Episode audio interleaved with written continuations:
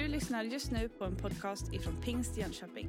Vi hoppas att denna undervisning kommer att hjälpa dig att växa i din personliga relation med Gud. Jesus, jag tackar dig för att du är vårt levande hopp. Tack för att segern är din, Herre. Tack för att vi får fröjdas och glädjas i den segern. Tack för din nåd, Herre, som vi får vara tacksamma mottagare av. Och tack för att vi får lova och prisa ditt namn, Herre, för den du är. Tack för friheten i dig, Jesus. Tack för friden i dig. Tack för att du också är här just nu för att möta med oss, för att tala till oss. Tack Jesus för att du också den här stunden vill tala genom ditt ord när vi läser det tillsammans. Tack för allt det du vill göra i våra liv. Tack för att du är närvarande Gud. Och tack för att vi får tro på dig. I Jesu namn. Amen. Jag tycker det är fantastiskt att få fira gudstjänst. Jag tycker Jesus är fantastisk. Och har du inte upptäckt det så vill jag bara uppmuntra dig att upptäcka det. Jesus är ju alldeles unik och speciell. Och jag vet inte hur det har varit för dig, men under den här tiden så har jag kunnat känna att jag verkligen har lärt mig att uppskatta att lovsjunga tillsammans, att be tillsammans och vad det betyder för mig när vi kommer samman. Och också att få läsa Guds ord tillsammans som vi ska göra nu. Förra söndagen så predikade Katrin Karlsson utifrån att ha blicken fäst på Jesus och om livet med Jesus. Och det här med livet med Jesus, det är någonting som vi ska fortsätta tala om idag och göra det utifrån en text i första Petrus brev kapitel 1. Och är det så att du har din bibel med dig så får du gärna slå upp det stället. Och jag vill uppmuntra dig, ha gärna din bibel med dig på söndagarna. Jag brukar alltid tycka själv att det är skönt att kunna stryka under och lära mig att hitta lite i min bibel.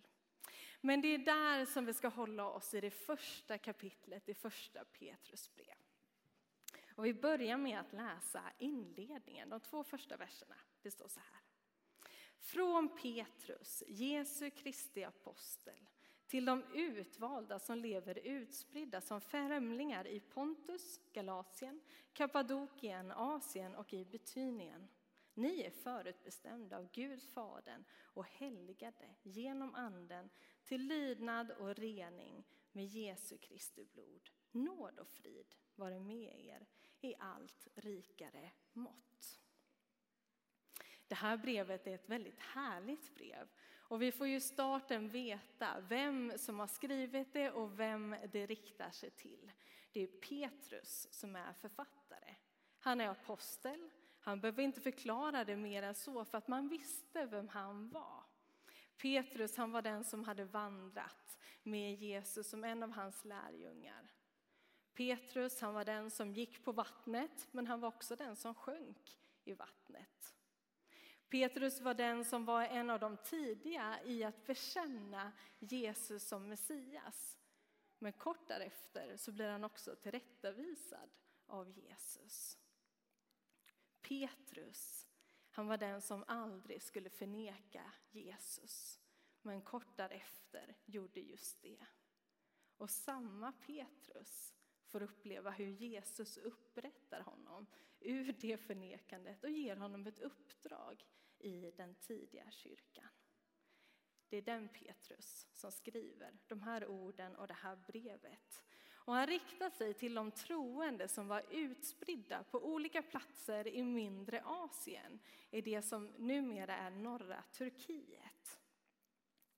Det här begreppet utspridda, det används i Bibeln på andra ställen också, ofta för att tala om judarna som inte fanns liksom i det landet som faktiskt tillhörde dem och var deras. Men här använder Petrus samma begrepp för att tala om de troende som var utspridda som främlingar. Alltså de befann sig någonstans där det inte var hemma. De var ännu inte i sitt riktiga hemland, himlen. En del föreslår också att man kanske kan förstå detta som att förföljelsen har börjat och att därför är man också utspridda. Och tror väl att Petrus skrev det här brevet ungefär 62-63 efter Kristus. Flera platser nämns. Det är inte en särskild församling som adresseras i en specifik situation, utan det är troende som har kommit till tro ganska nyligen, tro, troligtvis, och överlag. Han beskriver att de är förutbestämda av Gud Fadern, som vi alla är som, kommit, som väljer att tro och ta emot Jesus. De är helgade genom anden och renade genom Jesu blod. Det är väl bra tips om du ska skriva ett mejl i veckan till någon. I mottagarraden där kan du ta med om du vill. Om vi bläddrar några sidor och kommer till kapitel 5 så ser vi också varför Petrus skrev det här brevet i vers 12. Genom Silvanus, som jag vet är en pålitlig broder, skriver jag dessa korta rader för att stärka er och bekräfta att här verkligen är fråga om Guds nåd som ni ska stå fasta i. Petrus han vill stärka de unga troende. Att trots att de går genom svårigheter så har de mottagit Guds nåd. Guds sanna nåd som det går att stå fast i, som det går att hålla fast vid genom allt. Och jag tror att även vi behöver påminna oss om det oavsett hur länge vi levt med Jesus, hur länge vi har fått erfara den nåden det är, så behöver vi påminna oss om det, att vi behöver stå fasta i det.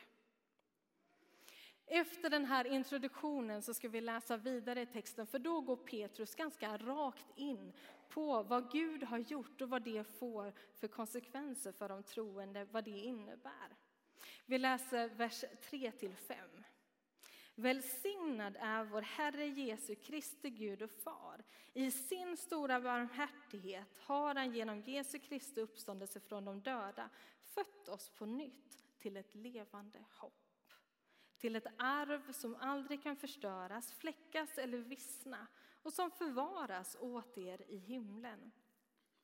Med Guds makt bevaras ni genom tron fram till den frälsning som är redo att uppenbaras i den sista tiden. Det här med att bli född på nytt, ja, men det är ju ett uttryck för att det har skett en djupgående förändring i själva liksom kärnan av vem jag är.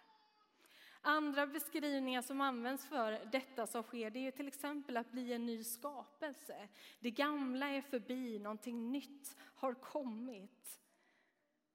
Frälsningen, att bli född på nytt, ger oss ett nytt tillstånd, en ny natur, men också en ny kapacitet.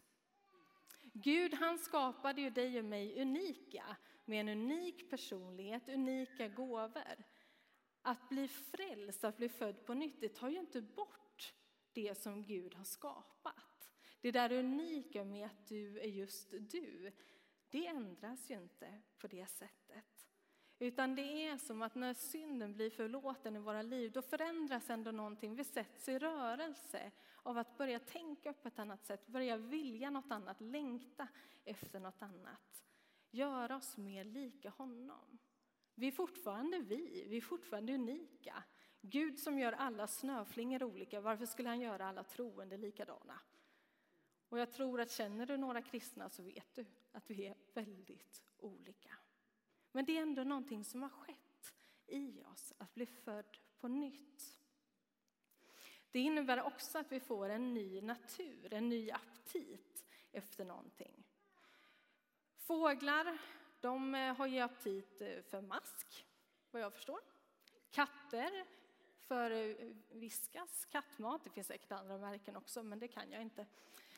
Jag känner mig inte sugen på varken mask eller kattmat. Jag vet inte hur det är med dig. Men det är ju någonting i det där med naturen. Vad är det vi längtar efter? Vad är det vi vill ha? Utifrån vår natur så längtar vi efter olika saker. När vi omvänder oss, när vi blir födda på nytt, så får vi också en ny natur. Vi börjar längta efter någonting annat. Längta efter det som Gud tycker är viktigt. Och i det så finns ju en frihet. För att det är ju någonting i vårt inre som faktiskt längtar efter det där. Men vi får också en ny kapacitet där vi får anden till hjälp att faktiskt nå det där som vi längtar efter. Kanske börjar du tänka nu så här, nej men jag vet ju inte ens om jag är född på nytt. Är jag det? Du kanske inte kan nämna en tid och en plats där det hände, där det skedde. Så är det för mig, jag kan inte nämna en särskild tid och en plats. Samtidigt har jag inte heller några direkta minnen av min fysiska födsel, tack och lov. Och jag hoppas att du inte har det heller, det vore oroväckande på något sätt. Men jag vet ju ändå att den har skett. Jag har ju hört att det har berättats om det. Och det största beviset är väl att jag lever. Det betyder ju att jag har fötts, att jag har blivit född. Och jag tänker likadant med när vi är pånyttfödda, när vi har en ny födelse. Att det som blir synligt, det som är beviset, det är ju hur jag lever. Vad är det jag längtar efter? Vad är det jag vill söka? Vad har Gud gjort i mitt liv? Jag är inte så delaktig i min fysiska födsel heller. Det är mer händer ju, det är andra som är. Vi ska inte gå in på det. Men, men lite liknande också med det som Gud gör, att det är faktiskt ytterst sett det Gud gör i mitt liv. Och där vi får vara tacksamma mottagare av det han gör och av hans nåd. Det är ett mirakel som sker genom frälsningen. Och det där tror jag att vi behöver påminna oss om och faktiskt se att det är. Vad är vi då födda till? Jo, men Petrus säger att vi är födda till ett levande hopp. Och i den här texten så kopplar han det hoppet direkt till Jesu uppståndelse. Hoppet, det handlar inte om att tänk positivt så blir allting bra. Med din tanke så kan du förändra din upplevelse. Kanske vi kan till viss del, men det här hoppet, det är någonting annat. Det är inte avgörande av vad vi gör eller tänker, utan det hänger på Jesus och är direkt kopplat till hans uppståndelse. Där han har uppstått från de döda, där han har brutit dödens makt. Den kraften, den är vi kopplade med. Det hoppet är levande, det är inte dött. Och det är det som vi också får bli pånyttfödda till. Ett hopp som är levande i var och en som tror.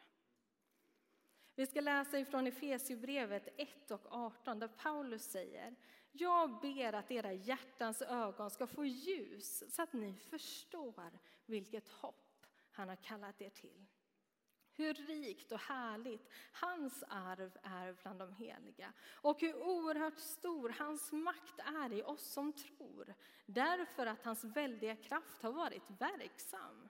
Den kraften lät han verka i Kristus när han uppväckte honom från de döda och satte honom på sin högra sida i himlen högt över alla härskare, makter, krafter och herradömen och alla namn som kan nämnas inte bara i denna tidsålder utan också i den kommande. I sin stora nåd har han fött oss på nytt och gett oss ett levande hopp. Genom sin uppståndelse där döden är övervunnen. Vi får del av uppståndelsekraften när vi kommer till tro och när vi lever troende honom. Och jag tänker att det finns få ord som är så välsignande, som är så hoppfulla, så tröstande och tryggande som frälsningen är. Och Petrus, han hade förstått detta. Om vi fortsätter i första Petrus brev 1 så får vi se att utöver att vi är födda på nytt till ett levande hopp utifrån Guds barmhärtighet och nåd så fortsätter vi i vers 4 och 5 till ett arv som aldrig kan förstöras, fläckas eller vissna och som förvaras åt er i himlen. Med Guds makt bevaras ni i tron fram till frälsningen som är redo att uppenbaras i den sista tiden.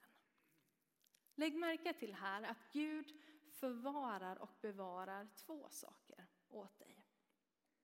Du är född på nytt, du har blivit del av Guds familj, du är Guds barn och utifrån att du har blivit en del av familjen har du också fått rättighet till arvet. Ett arv som aldrig försvinner eller förstörs utan som är förvarat åt dig i himlen. Och lägg märke till att Petrus egentligen inte beskriver vad det arvet är, utan vad det inte är.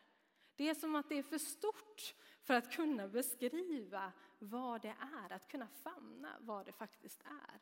Utan istället blir det en beskrivning av vad är det inte? Det här är någonting alldeles speciellt. Det är något alldeles unikt som inte går riktigt att famna. Men det är förvarat åt den som tror. Men Gud bevarar också dig inför det arvet. Den som tillhör Jesus, som lever i en relation med honom, är också bevarad av honom och skyddad av honom. I Romarbrevet 8.39 så kan vi läsa om att ingenting kan skilja oss ifrån kärleken i Jesus Kristus. Ingenting. Genom Guds makt och hans kärlek till oss får vi också vara bevarade i tron, skyddade av honom. Din slutgiltiga frälsning är inte i slutändan avgörande av hur mycket du har hållit fast vid Jesus. Utan det är i slutändan avgörande att han håller sitt grepp om dig. Och Jesu händer är mycket starkare än vad våra händer är. Hans grepp om oss är mycket starkare än vad vi kan försöka hålla fast. Och hans makt bevarar oss i tron på honom ända till slutet. Och det där tänker jag är trons säkerhet i våra liv. Och något som Petrus själv fick uppleva. När han misslyckades, när han föll, så var det Jesus som lyfte honom upp. Som upprättade honom igen. Och det kan också vi få uppleva. Du är född på nytt, du är bevarad i tron. Och i detta säger Petrus att vi ska vara glada. I vers 6. Men så lägger han till precis efter. Även om ni nu en liten tid måste utstå olika prövningar. Äktheten i er tro är långt mer värd än guld som är förgängligt men ändå prövas i eld. På samma sätt prövas er tro för att sedan bli till lov, ära, lov, pris och ära när Jesus Kristus uppenbarar sig. Jag vet inte om du brukar titta på Antikrundan.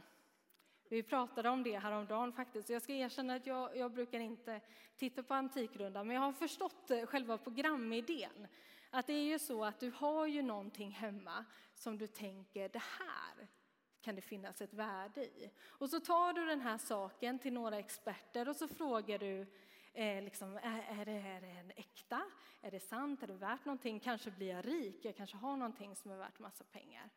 Och så kommer man liksom för att få den där äktheten verifierad på något sätt. Jag tror inte vi har något här direkt som är att ta till Antikrundan. Men Petrus, han menar att våran tro, den är mera värd än guld. Guld som ansågs vara väldigt värdefullt. Men en dag så är det också oviktigt, det är förgängligt. Men tron har ett evighetsvärde. Men hur kan jag då veta att min tro är äkta?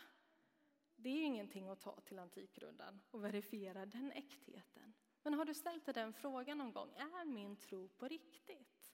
Är den äkta? Och hur kan det verifieras? Och Petrus svarar faktiskt på det i den här texten. Att när du möter prövningar, när du går igenom sorg, som också står i grundtexten, ja, men då prövas också vår tro. Då kan, det vara, då kan det hända att man lämnar och säger att nej men jag kan inte tro eller jag glider iväg och kanske till och med in i bitterhet. Samtidigt känner jag många, många fler som har gått igenom svårigheter och utmaningar men som fortfarande älskar Jesus och säger att tack och lov att jag hade Jesus genom den här prövningen och utmaningen. Och hur kan det vara så? Ja, men I grund och botten tänker jag att det handlar om att frälsningen är ett mirakel. Och när vi får tag på det och får liksom bottna i det på något sätt, att det blir ett nytt levande hopp i oss, då kan vi också få erfara genom de där passagerna att Gud faktiskt bär oss, att han bevarar oss och bevarar vår tro. I Jesaja 45 och 3 så står det, jag ska ge dig skatter som är dolda i mörkret och hemliga rikedomar för att du ska inse att jag är Herren som kallar dig vid namn. Även i passager som vi kan uppfatta mörka så kan vi hitta skatter. Visst är det en spännande tanke? Vad är det för skatter som vi kan hitta genom de passagerna av mörker? Guld förädlas ju någonstans i eld. Och på liknande sätt så tänker jag att prövningar i sig också kan komma att förädla våran tro som är värd så mycket mer än guld. Och där i mörkret kanske vi också hittar någonting att betrakta som en skatt ifrån Gud. Kanske till och med just den erfarenheten att faktiskt veta att tron bär genom allt. Att den håller. Och som vers 7 säger, på samma sätt prövas er tro för att sen bli till lov, pris och ära när Jesus Kristus uppenbarar sig. Och det där tänker jag är en viktig sak. Ja, men låt vår tro faktiskt få leda till lovprisning, till tacksägelse, att vi uttrycker till Gud tacksamheten till honom och den han är. Vidare så säger Petrus i vers 8 att honom älskar ni utan att ha sett honom och fast ni ännu inte ser honom tror ni på honom och jublar i obeskrivlig himmelsk glädje när ni nu är på väg att nå målet för er tro, era själars frälsning. Lov, ära och pris, kärleken till Jesus och jubel och glädje. Tänk att vi får leva i det. Det är inte bara prövningar och tufft, de kommer. Men det får också vara lovprisning och glädje och tacksägelse över att vi får vara födda på nytt till ett levande hopp och hålla fast vid det. Ibland kan jag tänka att vi kan ju låta det synas lite mer. Om vi känner så, så kan vi ju låta det synas. Klart David Johansson säger amen till det, jag tycker det är härligt. Men det är sant. Det är helt sant. Och jag fascineras faktiskt på det gång på gång när jag möter trossyskon utöver världen där man har det otroligt tufft men där det finns en sån kärlek till Jesus och en tacksamhet. Förra veckan så var jag och Per-Ola i Azerbajdzjan. Kyrkan är ju minoritet. Man går in i ett hus och tänker det här är ett vanligt hus och så är det en kyrka för det är ingenting som syns som antyder att det är det. Men så uttrycker man sån tacksamhet över att man har funnit Jesus. Och vilken skillnad det gör. I veckan så hörde jag lite vittnesbörd från somaliskt troende som jobbar bland somalier med att nå dem med evangelium. Det var en som sa så här att jag dör hellre i frimodighet än dör i rädsla. För jag tänkte så här, åh. Ja, nej, men jag tycker det är jobbigt att vara lite annorlunda ibland, sticka ut lite. Ja, men perspektiv, men det är det där att man har fått tag på Jesus. Och tänk vilken skillnad det gör. Väldigt kort så ska vi läsa vers 10 12 där det står att det var denna frälsning som profeterna sökte och forskade efter. De som profeterade om den nåd som ni skulle få. De försökte förstå vem eller vilken tid Kristi ande i dem syftade på när han förutsade Kristi lidande om den härlighet som skulle följa. Och det uppenbarades för dem att det inte var sig själva utan er som de tjänade med sitt budskap. Det budskap har nu förkunnats för er genom dem som i den heliga Ande, sänd från himlen, gav er evangeliet. Ett budskap som änglar längtar att få blicka in i. Det här det var Guds plan sedan lång tid, hans frälsningsplan. Profeterna de fick framböra budskap på ingivelse av den helige Ande som de fullt ut inte kunde greppa. De fick bara se en skymt av det där som Gud hade tänkt och det där som skulle ske. Om den nåd som ni skulle få. Men nu är situationen annorlunda. Nu kan vi älska Jesus, nu kan vi lära känna honom och få ta emot den där nåden som blev given till oss. Och inte bara det, utan änglarna längtar också att få blicka in i det.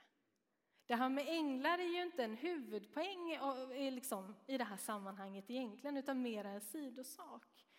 Men tänk att det är så stort att till och med änglarna längtar efter att få blicka in och förstå lite av den där nåden som vi får ta emot. Tänk vad stort det här är. Förstår vi det? Jag tror faktiskt inte det.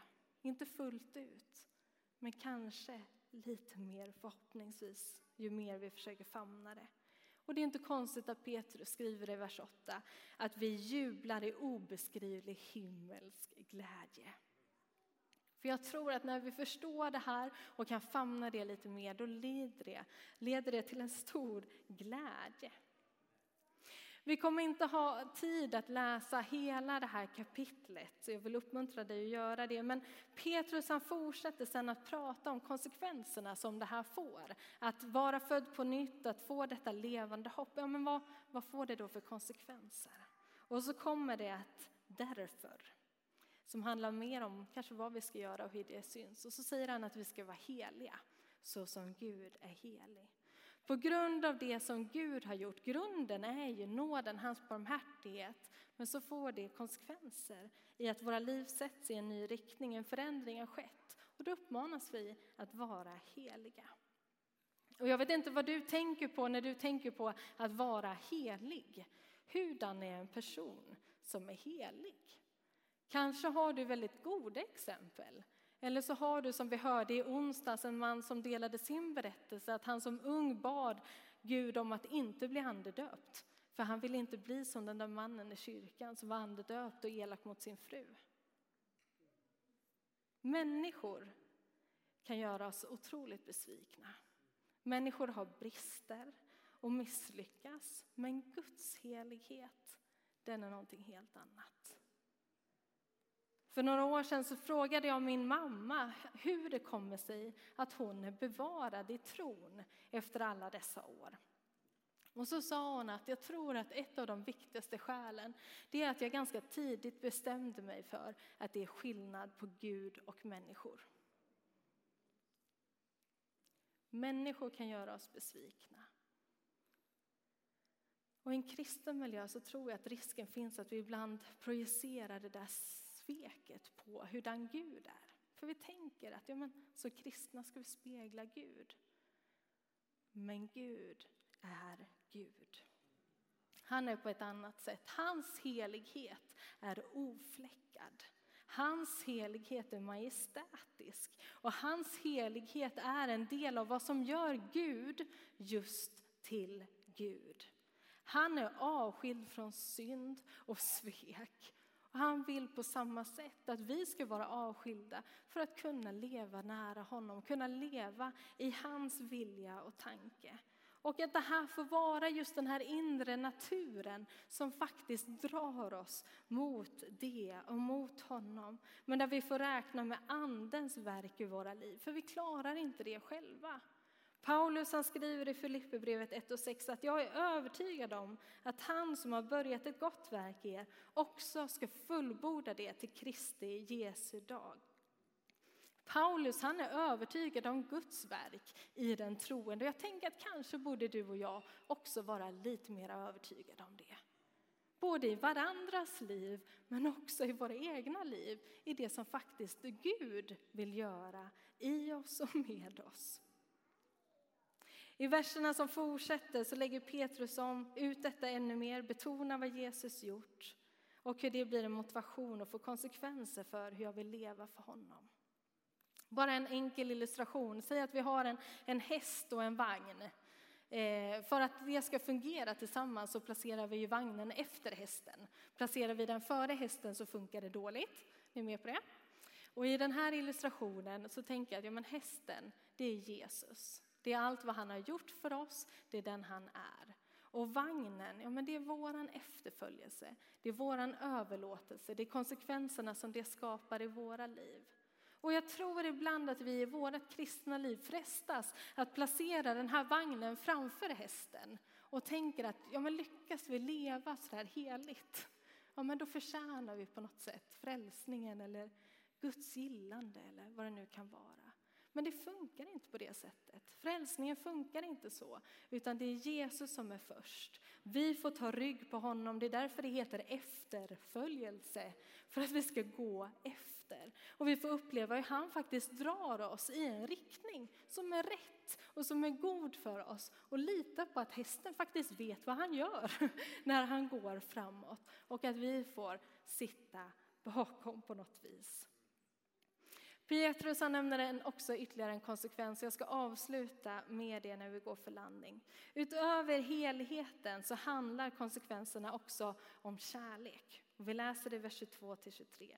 Ni har renat era själar genom att lyda sanningen i uppriktig syskonkärlek. Älska då varandra uthålligt av rent hjärta. Ni är ju födda på nytt. Inte av förgänglig säd utan av en oförgänglig genom Guds levande ord som består. Petrus skriver här att ni har renat era själar. På nyttfödelsen så sker någonting. Heligheten har blivit en del av våra liv utifrån vad vi får ta emot. Men sen lägger han till det här om att också älska varandra i uppriktig syskonkärlek. Ett heligt liv, det är inte ett komplett liv utan kärlek. Båda delarna behövs. Och jag tror att vi behöver vaka över att båda finns i våra liv. Ibland kan vi ha lätt att bedöma och döma varandra för att vi i vår strävan vill någonting gott. Gud vill att vi ska vara heliga, men inte på bekostnad av kärleken mot varandra. Vad behöver du stärka? Vad behöver Gud tala till dig om idag lite mera? Behöver jag mer helighet? Behöver jag mer kärlek? Hur kan båda delarna vara en del i våra liv? Med grunden i Guds stora nåd, barmhärtighet, får vi vara födda på nytt. Levande hopp. Även om vi går genom prövningar kan vi få uppleva glädje för att den går djupare. Med Andens hjälp så får vi sträva efter att vara heliga, så som han är helig, men också att älska varandra högt. Amen. Vi ska be tillsammans och sen kommer vi också ta en stund i lovsång och möjlighet till förbön. Varje söndag i den här kyrkan så vill vi ge möjlighet till dig som faktiskt inte har tagit emot Jesus än i ditt liv, att få möjlighet att göra det. Jag har idag talat om att bli född på nytt. Att få ta emot den där nåden, barmhärtigheten, förlåtelsen från Jesus. Få bli en ny skapelse. Och finns du här idag som inte har fattat det beslutet eller känner att nej men jag behöver nog fatta det på nytt. Ta ett nytt avstamp. Då gör vi det väldigt enkelt att alla blundar i respekt för varandra för det här är ett beslut mellan dig och Gud. Och är det så att du känner igen dig på den beskrivningen jag just gav, att du vill ta emot Jesus i ditt liv, du vill bli född på nytt, så kan du bara sträcka din hand väldigt enkelt så att jag får se den. Och så ska vi be en bön tillsammans, inte berätta vem du är utan vi kommer be tillsammans. Finns du här inne som vill ta emot Jesus i ditt liv som frälsare så varsågod och räck din hand. Tack Jesus. Halleluja. Tack Jesus. Gud välsigne dig. Finns det någon mer så varsågod och räck din hand och när du har räckt den så kan du ta ner den igen.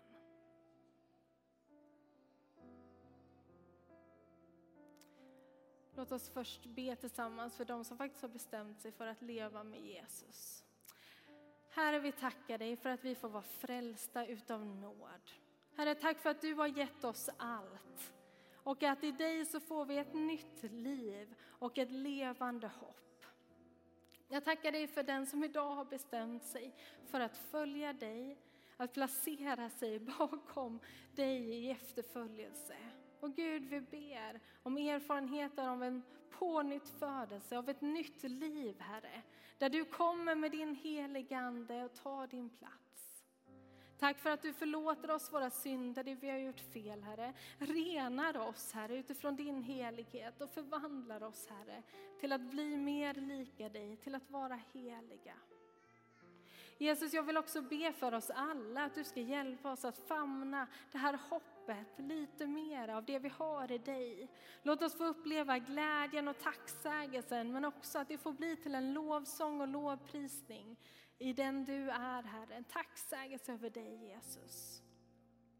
Tack för att du bär oss i din ena hand. Och tack för det arvet du har åt oss i din andra hand. Och tack för att en dag så ska vi få mötas på det sättet i din himmel.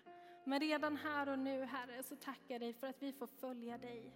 Att vi får älska dig och hjälp oss att göra det ännu mer. Amen. Du har just lyssnat på en podcast ifrån Pingst Jönköping.